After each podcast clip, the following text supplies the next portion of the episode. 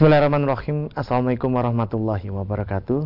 Saudaraku pemirsa channel terpilih Amda TV di mana pun anda berada.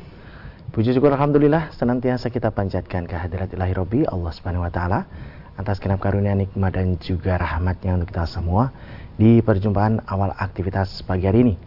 Kita jumpa kembali di program unggulan Fajar Hidayah Dan Alhamdulillah sudah hadir Ustaz Sunarno Yang nanti akan melanjutkan pelajaran sekaligus memberikan pencerahan untuk kita semua di kesempatan kali ini. Assalamualaikum warahmatullahi wabarakatuh Ustaz. Waalaikumsalam warahmatullahi wabarakatuh. Kabar baik dan sehat pagi ini, Ustaz? Alhamdulillah baik sehat. Alhamdulillah baik. Dan pemirsa nanti bisa bergabung bersama kami di line telepon 02716793000, SMS dan juga DWA kami di 08 11 255 3000. Kita simak pelajaran kita pagi ini. Silakan. Bismillahirrahmanirrahim. Assalamualaikum warahmatullahi wabarakatuh. Alhamdulillahi rabbil alamin. Wa bihi nasta'inu ala umuri dunya waddin. Asyhadu an la ilaha illallah wahdahu la syarika lah. Wa asyhadu anna Muhammadan abduhu wa rasuluh. Allahumma salli wa sallim ala Muhammadin wa ala alihi wa ashabihi ajma'in amma ba'd. Saudaraku, pemirsa dan pendengar di mana pun berada yang saya cintai, yang saya hormati Alhamdulillahirrahmanirrahim Pagi ini Allah senantiasa curahkan anugerahnya pada kita Sehingga kita diperkenankan mengawali aktivitas kita dalam keadaan sehat walafiat. Saudaraku, pagi ini kita akan berbicara tentang Tiga sifat yang menyelamatkan. Allah subhanahu wa ta'ala berfirman dalam surat Al-An'am ayat 63. A'udzu billahi minasyaitonir rajim. Qul may yunajjikum min dhulumatil barri wal bahr. Katakanlah Muhammad, siapa yang dapat menyelamatkan kamu dari bencana darat dan laut? Tada'unahu tadarru'an wa khufiyah. Yang kamu berdoa kepadanya berdoa kepada Allah dengan rendah diri dengan suara yang lembut untuk bisa diselamatkan. La in anjana min hadhihi lanakunanna minasyakirin Ya Allah seandainya saya selamat dari bencana, saya akan termasuk orang yang bersyukur. Saudaraku, manusia dalam kehidupan di dunia ini semuanya mendambakan keselamatan. Tidak satu pun orang tidak mendambakan keselamatan. Maka tanpa petunjuk agama, manusia tidak akan mengerti jalan yang harus ditempuhnya untuk menggapai keselamatan hidup baik itu di dunia apalagi di akhirat kelak. Maka Allah memberikan petunjuk supaya manusia dalam menjalani hidup selamat sebagaimana firman Allah dalam surat Al-Maidah ayat 16 yang sudah sangat populer itu yahdi bihillahu manittaba'a ridwanahu subulas salam. Allah menuntun dengan Al-Quran itu kepada siapa yang mengikuti ridhonya untuk menuju pada jalan keselamatan. Wa yukhrijuhum minad dhulumati ilan nur dan Allah mengeluarkan dari kegelapan hidup menuju kepada cahaya. Bidni dengan izinnya. Maksudnya kalau manusia itu mau mengikuti petunjuk dari Al-Quran dan Sunnah, pasti dia keluar dari kegelapan hidup menuju kepada cahaya hidup wa yahdihim ila sirati mustaqim dan Allah akan menuntun mereka pada jalan yang lurus. Maksudnya jalan-jalan yang mensejahterakan hidupnya, jalan-jalan yang menyelamatkan hidupnya. Itu hanya akan Allah anugerahkan kepada siapa yang mengikuti dalam hidup ini untuk mencari ridhonya. Jadi kita hidup itu dalam rangka untuk mencari ridho Allah SWT. Bagaimana Allah ridho pada saya? Itu harus begitu kita sebagai orang muslim. Sehingga kita terhindar dari hal-hal yang mencelakakan baik itu di dunia maupun di akhirat kelak dan dapat meraih kehidupan yang tentram, yang tenang, sehingga kita terhindar dari kegelisahan hidup, terhindar dari bencana hidup. Karena Allah menuntunnya sampai nanti kita dipanggil menghadap. Saudaraku, yang begini ini, mari betul-betul kita perhatikan. Maka Allah akan menuntun kita, baik itu secara pribadi, kita akan menjadi hamba yang selalu mengikuti petunjuknya. Sehingga Allah ridho pada kita. Dalam rumah tangga pun kita akan selalu mengikuti petunjuknya. Sehingga rumah tangga kita penuh dengan rahmat yang Allah curahkan. Sampai bermasyarakat pun juga begitu. Sehingga kita mengerti mana yang bisa menyelamatkan kita jalani dengan sebaik-baiknya dan mana-mana yang akan mencelakakan kita jauhi dengan sejauh-jauhnya. Itulah petunjuk yang Allah tunjukkan pada kita. Saudaraku, kemudian dalam hadis riwayat Al-Baihaqi diterangkan salasun munciyatun tiga hal yang menyelamatkan yang pertama al-adlu fil ghadab waridho berbuat adil. Adalah itu kan adil. Maksudnya tidak hilang keseimbangan ketika marah maupun senang. Karena banyak orang ketika marah itu hilang keseimbangan. Sehingga melampiaskan marahnya baik itu dengan ucapan maupun perbuatan yang melampaui batas. Orang itu kalau marah tanpa dikendalikan, mesti melampaui batas baik itu bicara maupun dalam perbuatannya.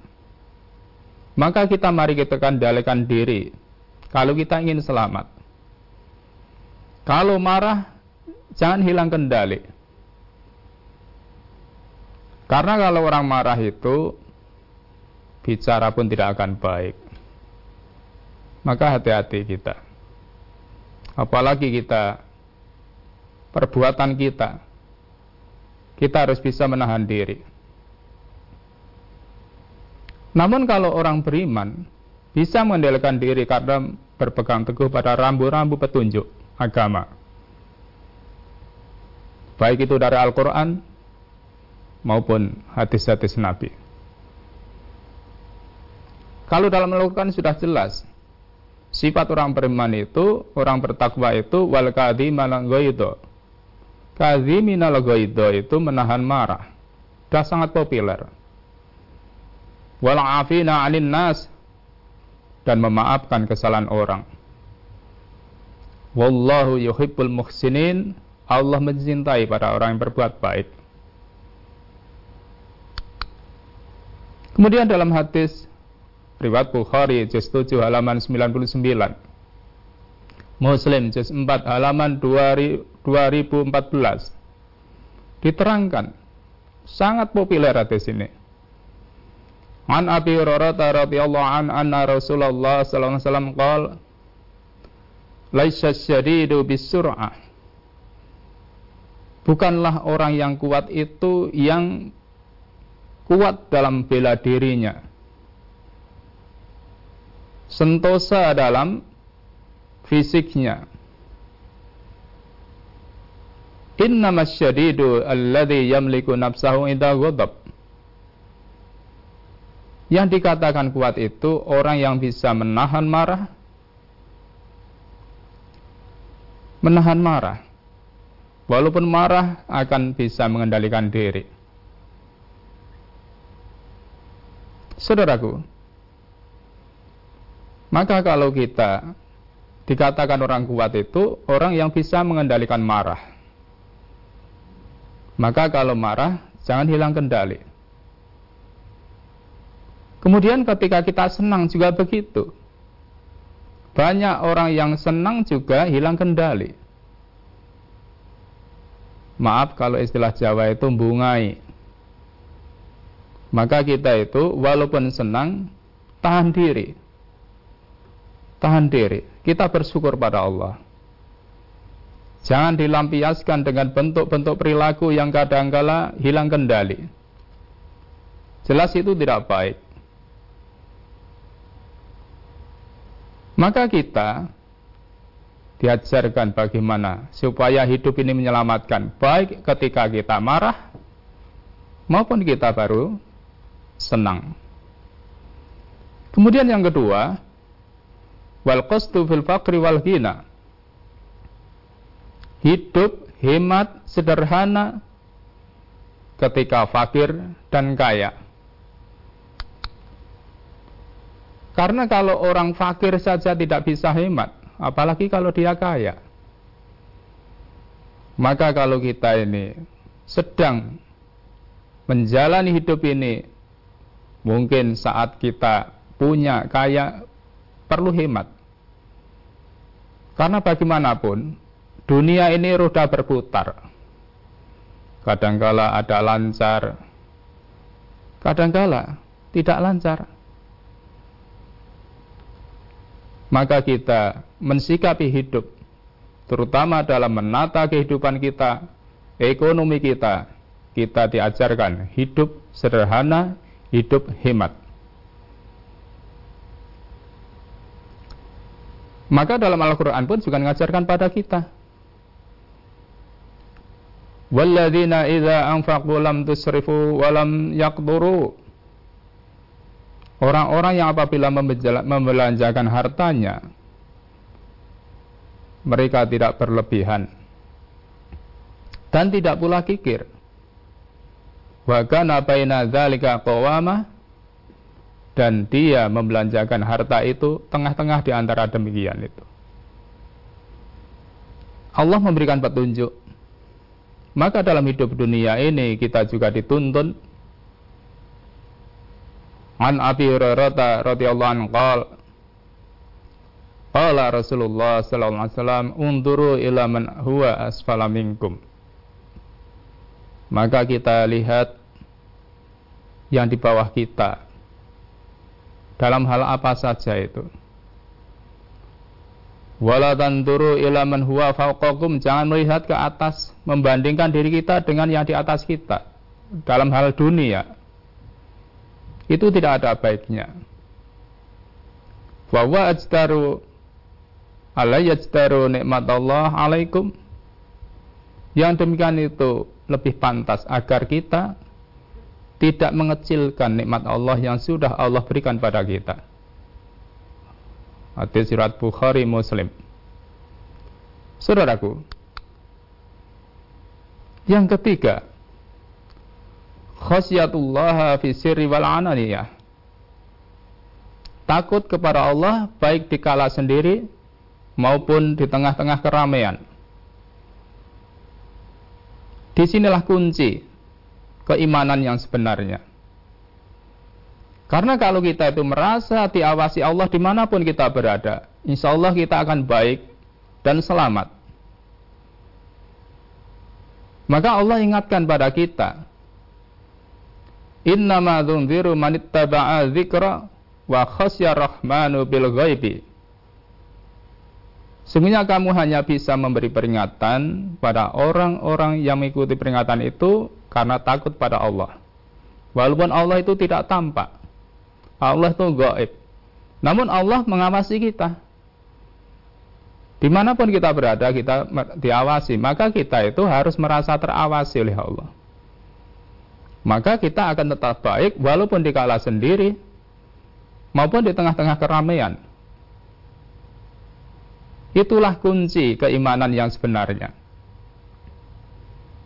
Sehingga kita bisa berbuat baik itu kita sendiri maupun di tengah keramaian tetap merasa diawasi oleh Allah sehingga kita akan berusaha untuk berbuat sebaik-baiknya. Fabasyirhu bimafirati wa ajrin karim Berilah kabar gembira pada orang-orang itu ampunan dan pahala yang besar. Pahala yang mulia. Saudaraku, kemudian dalam ayat yang lain kita juga diingatkan Wa ma man khafa maqama rabbih. Adapun orang yang takut pada Allah Subhanahu wa taala, Tuhannya. Wa nafsa 'anil hawa dan dia bisa mengendalikan nafsunya. Itulah fa innal jannata hiyal ma'wah orang yang dijanjikan akan masuk surga. Saudaraku, maka kita masing-masing mari kita jaga diri kita dalam hidup ini sehingga kita selamat. Maka kita di mana pun berada, kita merasa diawasi oleh Allah. Jangan merasa sepi karena tidak ada orang yang mengetahui, sehingga kita berbuat seenaknya. Dan kita juga di tengah keramaian, jangan tambah Mungkin yang tadinya malu jadi tidak malu karena banyak temannya. Yang begitu tidak akan membawa keselamatan pada kita. Saudaraku, semoga yang sedikit ini membawa manfaat untuk diri saya dan kita semuanya. Terima kasih. Ya. Baik pemirsa, kami harapkan Anda bisa bergabung bersama kami di line telepon 0271 6793000, SMS dan juga di WA kami di 08 11 255 3000. Namun sebelumnya kita akan simak beberapa informasi dalam rangkaian jeda pariwara berikut ini. Baik saudara pemirsa channel terpilih MTA TV di mana pun Anda berada, terima kasih Anda masih setia bersama kami, khususnya di program unggulan Fajar Hidayah pagi ini. Kesempatan pertama kami persilahkan di line telepon 02716793000. Halo, Assalamualaikum. Halo, Assalamualaikum. Waalaikumsalam warahmatullahi wabarakatuh. Dengan siapa di mana Ibu? Dengan Ibu Sri di Pacitan. Ya, silakan Ibu Sri. Iya, terima kasih. Assalamualaikum warahmatullahi wabarakatuh, Ustaz. Waalaikumsalam warahmatullahi wabarakatuh. Monggo Ibu dari Pacitan. Iya terima kasih. Saat yang saya tanyakan itu mengenai masker itu ya, apakah waktu sujud itu apabila kita oh, kita sholat apabila sujud itu memakai masker hidungnya tertutup itu kalau menurut syariat menurut tuntunan Rasulullah apakah itu tidak diperbolehkan begitu? Karena saya mendengar katanya kalau apa itu me, apa hidungnya tertutup untuk bersujud itu sholatnya tidak apa itu kurang-kurang afdal gitu. Begitu kalau ada hadisnya mohon tausiahnya itu aja. Terima kasih. Assalamualaikum warahmatullahi wabarakatuh. Waalaikumsalam warahmatullahi wabarakatuh. Jadi Ibu ya, jadi ketika sujud itu intinya tujuh anggota badan itu menempel di lantai. Nah, sekarang hidung ditutup. Kalau ditutup itu mesti ada keperluannya. Pakai masker tadi ya. Jadi kalau kita itu sujud pakai masker dan masker itu diperlukan karena ada sesuatu mungkin ketika baru flu atau yang lain. Jadi nggak ada masalah. intinya sujud itu menempel ke lantai tujuh anggota badan. Jadi dari hidung sama jidat ini menempel ke lantai. Kemudian dua telapak tangan. Kemudian dua lutut. Lutut kita juga tertutup. Lutut kita juga tertutup. Kemudian jari-jari kaki. Jadi tujuh anggota badan itu intinya sesahnya sujud itu kalau tujuh anggota itu menempel ke lantai. Lah perkara ditutup atau tidak kan tinggal bagaimana keperluannya. Lutut itu juga ditutup. Nggak mungkin akan terbuka. Kalau memang tidak ada keperluannya, ya lebih baik tidak usah ditutup. Kalau memang ada keperluan yang memang harus terpaksa kita pakai masker karena situasi dan kondisi nggak ada masalah. Jadi intinya itu ibu, jadi sujud itu tujuh anggota itu harus menempel ke lantai. Itu begitu ibu, semoga bisa dipahami. Ya. Kita bacakan yang ada di SMS dan WA Ustaz. Yang pertama dari Bapak Rianto di Banjarnegara.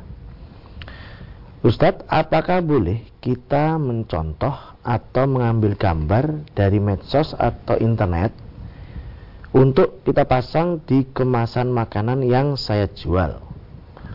Yang kedua, bila kita memblokir pertemanan di medsos, apakah kita sama saja memutuskan silaturahim Ustaz? Iya.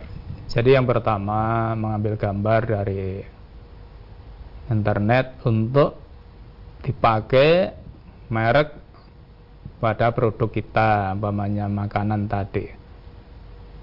Jadi kalau model seperti itu lebih selamat jangan dilakukan. Jangan dilakukan itu kan jiplak karya orang lain nanti. Maka kalau kita punya produk dah diberikan label atau apa yang karya kita sendiri saja. Itu lebih menyelamatkan. Lebih menyelamatkan. Jadi kita itu supaya percaya diri. Percaya diri. Kita bikin produk sendiri, ya kita beri label sendiri. Kemudian yang kedua, kalau kita memutuskan dari Facebook, insya Allah tidak termasuk memutus silaturahmi. Karena apa pun yang kita lakukan itu dalam rangka apa? Darul mafasid aula min jalbi manafi menghindarkan kerusakan itu lebih diutamakan daripada mengambil manfaat. Mungkin dengan Facebook itu kita dapat manfaat kenal sana sini, tapi mandorotnya juga banyak. Kadangkala mandorotnya lebih besar daripada manfaatnya. Maka tentu kita bisa mengerti apa yang harus kita lakukan. Ini ada manfaatnya atau tidak. Kalau tidak ada manfaatnya bahkan membawa madarat lebih baik. Begitu Bapak, semoga bermanfaat. Ya. Kembali di line telepon kami persilahkan di 6793000. Halo, Assalamualaikum. Ya, kita lanjutkan setelah yang ada di SMS dan WA dari Ibu Umi di Cikarang menanyakan kalau kita jualan online sebagai reseller dan membuat grup reseller lagi, apa ada larangannya dalam Islam, Ustaz? Iya. Jadi ibu ya di Cikarang. Jadi kalau itu urusan dunia, kita tidak ada larangan selama tidak ada yang melarang kalau urusan dunia itu al aslu an ahya asya itu al ibakah asalnya dunia itu boleh semuanya. Sehingga ada dalil yang membatalkan atau mengharamkan. Nah kalau perdagangan seperti itu selama saling menguntungkan tidak ada merasa dirugikan berarti boleh. Boleh. Jadi yang satu memproduksi. Kemudian yang lain ikut menjualkan walaupun secara online. Itu nggak ada masalah. Jadi semakin banyak yang ikut menjualkan, produksinya akan semakin banyak. Jadi tidak ada larangan. Yang penting harus saling menguntungkan, jangan sampai merugikan. Lah kalau sudah ada pihak yang merasa dirugikan itu tidak boleh. Jadi intinya kerjasama yang seperti itu itu harus saling menguntungkan. Begitu Ibu, semoga bermanfaat. Ya. Di line telepon kami persilakan kembali. Halo, assalamualaikum. Assalamualaikum. Waalaikumsalam warahmatullahi wabarakatuh. Dengan siapa? Di mana? Ya, Yamin Pak di Pekanbaru. Bapak Yamin di Pekanbaru ya? Iya. Silakan. Uh, Assalamualaikum Ustaz.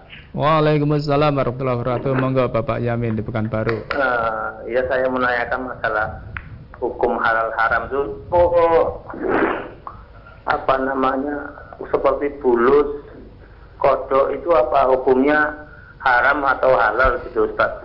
Ya, kalau memang apa tolong dijelaskan Ustaz itu aja Ustaz. Assalamualaikum warahmatullahi wabarakatuh. Waalaikumsalam warahmatullahi wabarakatuh. Ya, ya.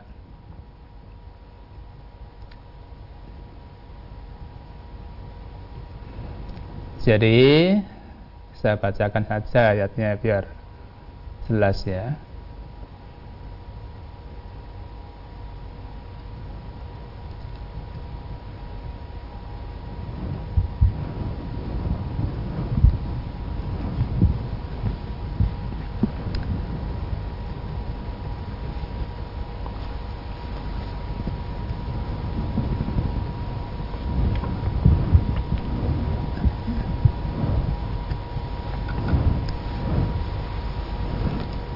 Jadi kalau kita kembali pada petunjuk A'udzu billahi minasyaitonir rajim. Qul la ajidu fi ma uhiya ilayya muharraman. Gitu ya Nabi dikata apa itu di dawil oleh Allah. Qul katakan Muhammad la ajidu fi ma uhiya ilayya muharraman saya tidak memperoleh wahyu yang diwahyukan padaku itu sesuatu yang diharamkan. Mala ta'imin yat'amahu yat'amuhu. Pada orang yang ingin makan satu makanan satu makanan yang ingin orang memakannya. Illa lah di sini ada istisnanya. Semuanya boleh dimakan tuh boleh illa kecuali di sini ya. Ayakuna maitatan. Kalau itu bangke. Bangke. Tadi binatang yang sudah mati tanpa disembelih. Bangke ini pun kalau itu ikan laut itu boleh dimakan. Namun kalau binatang darat tidak boleh dimakan. Audaman masfukan atau darah yang mengalir. Maksudnya ketika menyembelih darah yang mengalir itu tidak boleh. Haram hukumnya.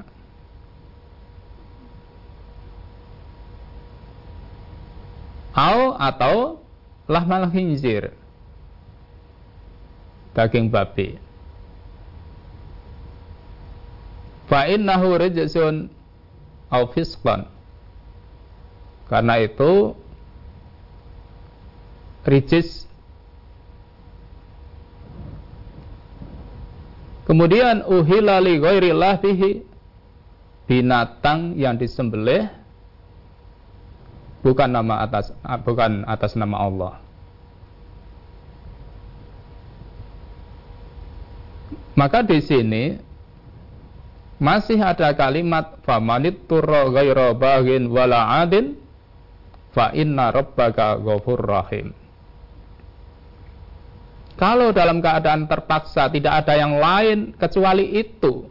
Dan kalau tidak makan akan mati itu pun diperkenankan. Namun tidak boleh lebih dari kebutuhan namun kalau kita di negeri kita ini insya Allah tidak akan sampai begitu maka di sini kita dapat mengambil pelajaran. Berarti yang selain disebut tadi boleh. Jadi selain yang disebut tadi boleh. Jadi kalimat Qul la ajitu fima uhiya ilayya muharraman itu kan jelas sekali itu. Sudah jelas sekali. Maka termasuk bulus dan sebagainya tadi kalau kersa monggo. Kalau kersa monggo. Jadi itu intinya Bapak. Bagaimana kita bisa mengambil istimbat hukum dalam hal makanan. Surat Al-An'am 145. Begitu, semoga bisa dipahami. Baik. Berikutnya di SMS dan WA dari Bapak Widodo di Cawas, Ustaz. Bagaimanakah Ustaz cara mengendalikan diri ketika marah? Demikian. Iya, Pak Widodo di Cawas ya. Jadi kalau kita itu marah harus bisa mengendalikan diri. Maka kita dituntun. Kalau dalam Al-Quran itu sudah jelas. Kalau kita itu sedang tidak menyenangi sesuatu, marah, kita supaya reda. Asa antakru syai'an. Jalallahu fihi khairan kasiran kalau kamu sedang marah karena tidak senang pada suatu satu masalah dalam keluarga umpamanya ingat kebaikan itu banyak. Satu persoalan jangan sampai kita menghilangkan kebaikan yang banyak. Umpamanya suami istri maka ingat kebaikannya sehingga kita akan reda. Akan reda.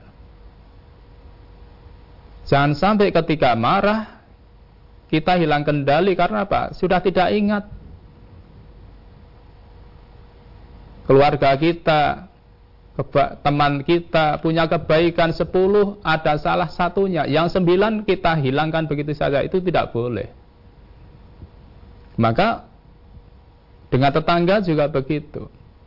Tetangga kita banyak kebaikannya.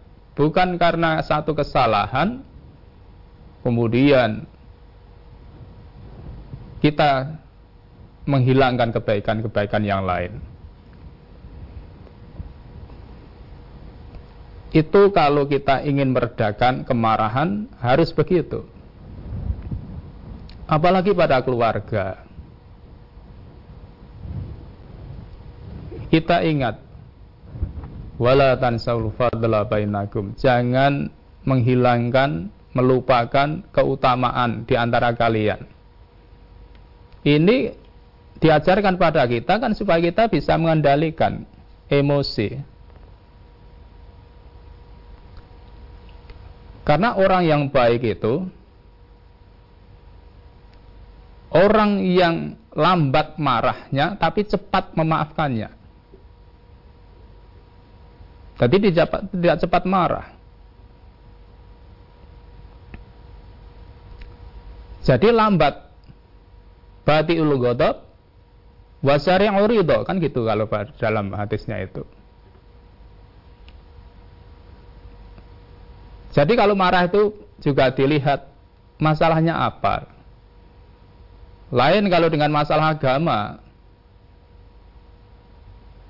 Kalau masalah agama, dan Rasulullah SAW tidak mudah marah kalau itu urusan pribadi. Namun kalau sudah agama dilecehkan, beliau marah sekali.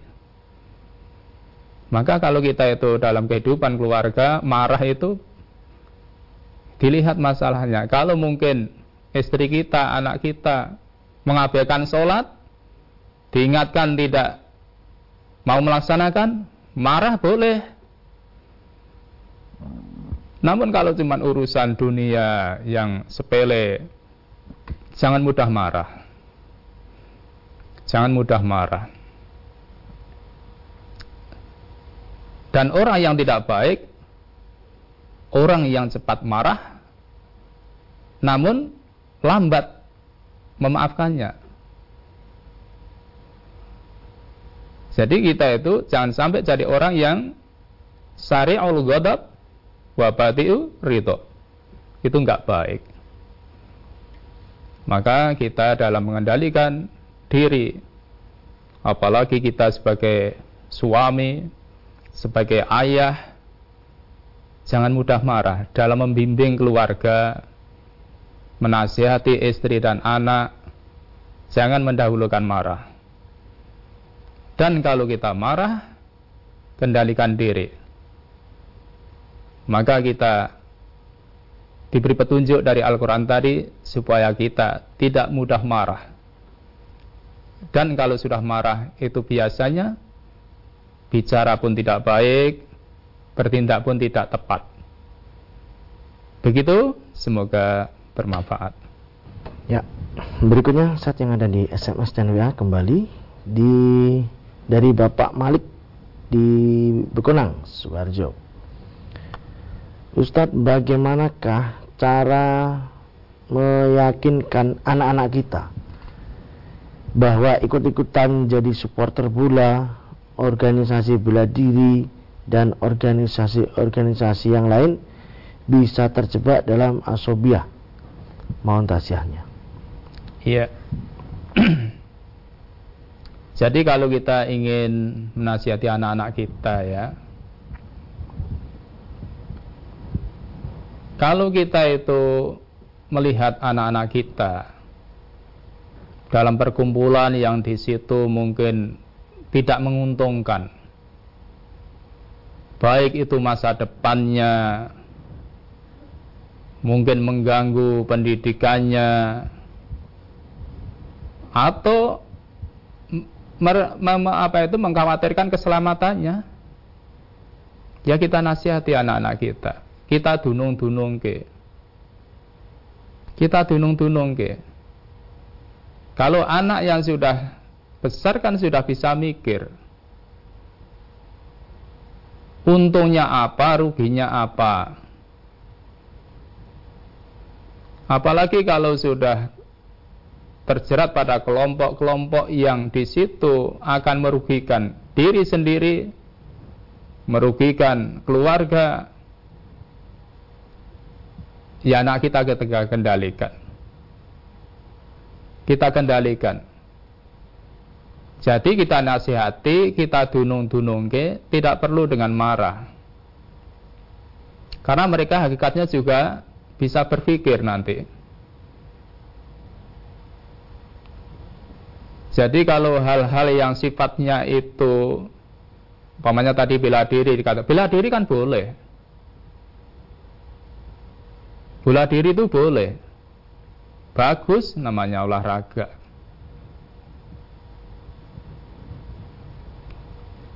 Maka yang begitu itu didunung-dunung ke. Kita nasihati. Karena itu anak kita itu aset kita masa depan yang harus kita selamatkan dari hal-hal yang tidak akan menguntungkan hidupnya baik itu di dunia apalagi di akhirat kelak jadi supporter bola sampai lupa sholatnya kan itu sudah merugikan itu sudah merugikan semuanya maka dengan kedekatan dengan kasih sayang kita nasihati anak-anak kita. Begitu, semoga bermanfaat. Baik, masih ada kesempatan kami persilakan di line telepon kembali. Halo, assalamualaikum. Halo, assalamualaikum. Waalaikumsalam. Ya dengan siapa di mana bapak? Assalamualaikum. Waalaikumsalam warahmatullahi wabarakatuh. Dengan bapak siapa? Dari Pak Ujang di Lahat. Bapak Ujang di Lahat ya.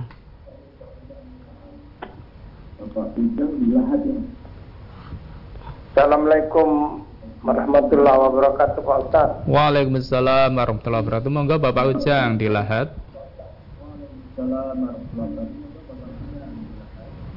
Ini Pak Ustaz yang mau saya mau, yang saya mau tanyakan surat al al al ahqaf ayat 5 Al-Ahqaf ya. Itu mengatakan doa tolong dijelaskan itu aja Pak Ustaz Assalamualaikum warahmatullahi wabarakatuh Waalaikumsalam warahmatullahi wabarakatuh. Ayat 5 ya. Ya.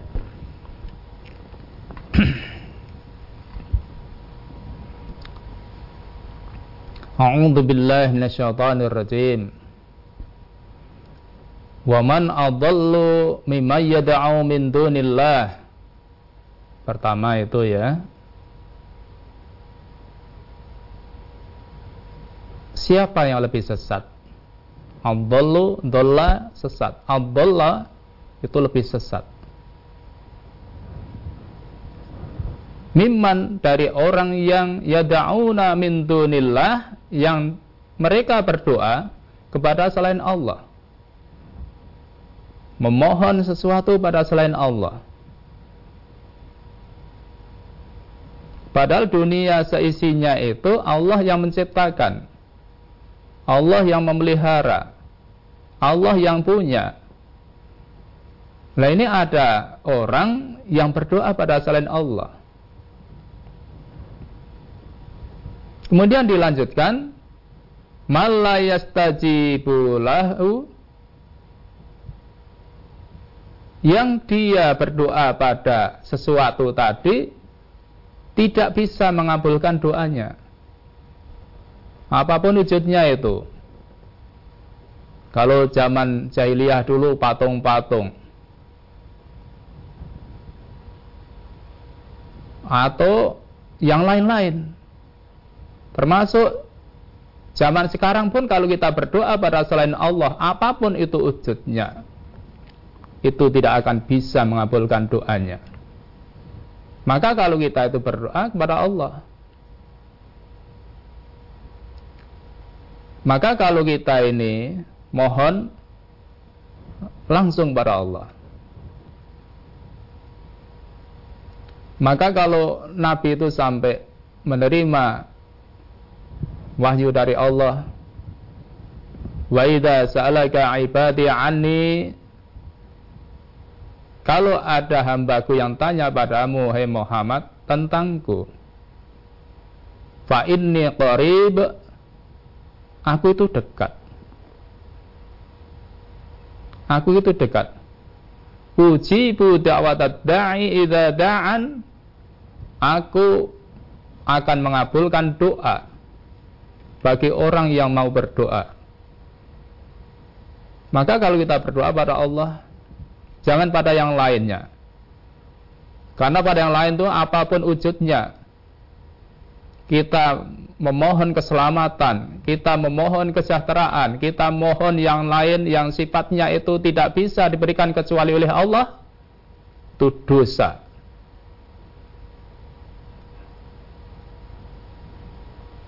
maka kita dituntun jangan berdoa pada selain Allah. Kemudian dilanjutkan ila yaumil qiyamati wa hum an du'aihim ghafilun.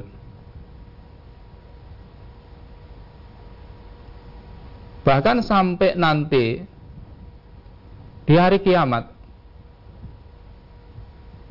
dan mereka pun juga tidak memperhatikan doa. Wong kita itu kalau berdoa itu harus yakin dengan apa yang kita doakan dikabulkan oleh Allah. Kita harus yakin. Jangan sampai kita berdoa tidak yakin. Jadi dalam ayat ini orang-orang yang mensekutukan Allah dalam hal isti'anah. Namanya asyirku bil isti'anah. Jadi mensekutukan Allah dalam hal mohon pertolongan, itu tidak boleh pada yang lain. Kita harus kuatkan akidah kita, semuanya itu Allah yang bisa mengabulkan doa. Begitu Bapak, semoga bermanfaat. Ya. Baik Ustaz, kami sampaikan terima kasih atas tausiah dan pelajaran di kesempatan pagi ini Ustaz. Assalamualaikum warahmatullahi wabarakatuh. Waalaikumsalam warahmatullahi wabarakatuh. Baik saudaraku pemirsa channel terpilih MTA TV di mana pun anda berada demikian tadi telah kita simak dan itu bersama program unggulan Fajar Hidayah pagi ini. Kita jumpa kembali di kesempatan mendatang dan saya Tomel Fatani pamit undur. Alhamdulillah alamin subhanakallahumma wa bihamdika asyhadu alla ilaha illa anta astaghfiruka wa atubu Assalamualaikum warahmatullahi wabarakatuh.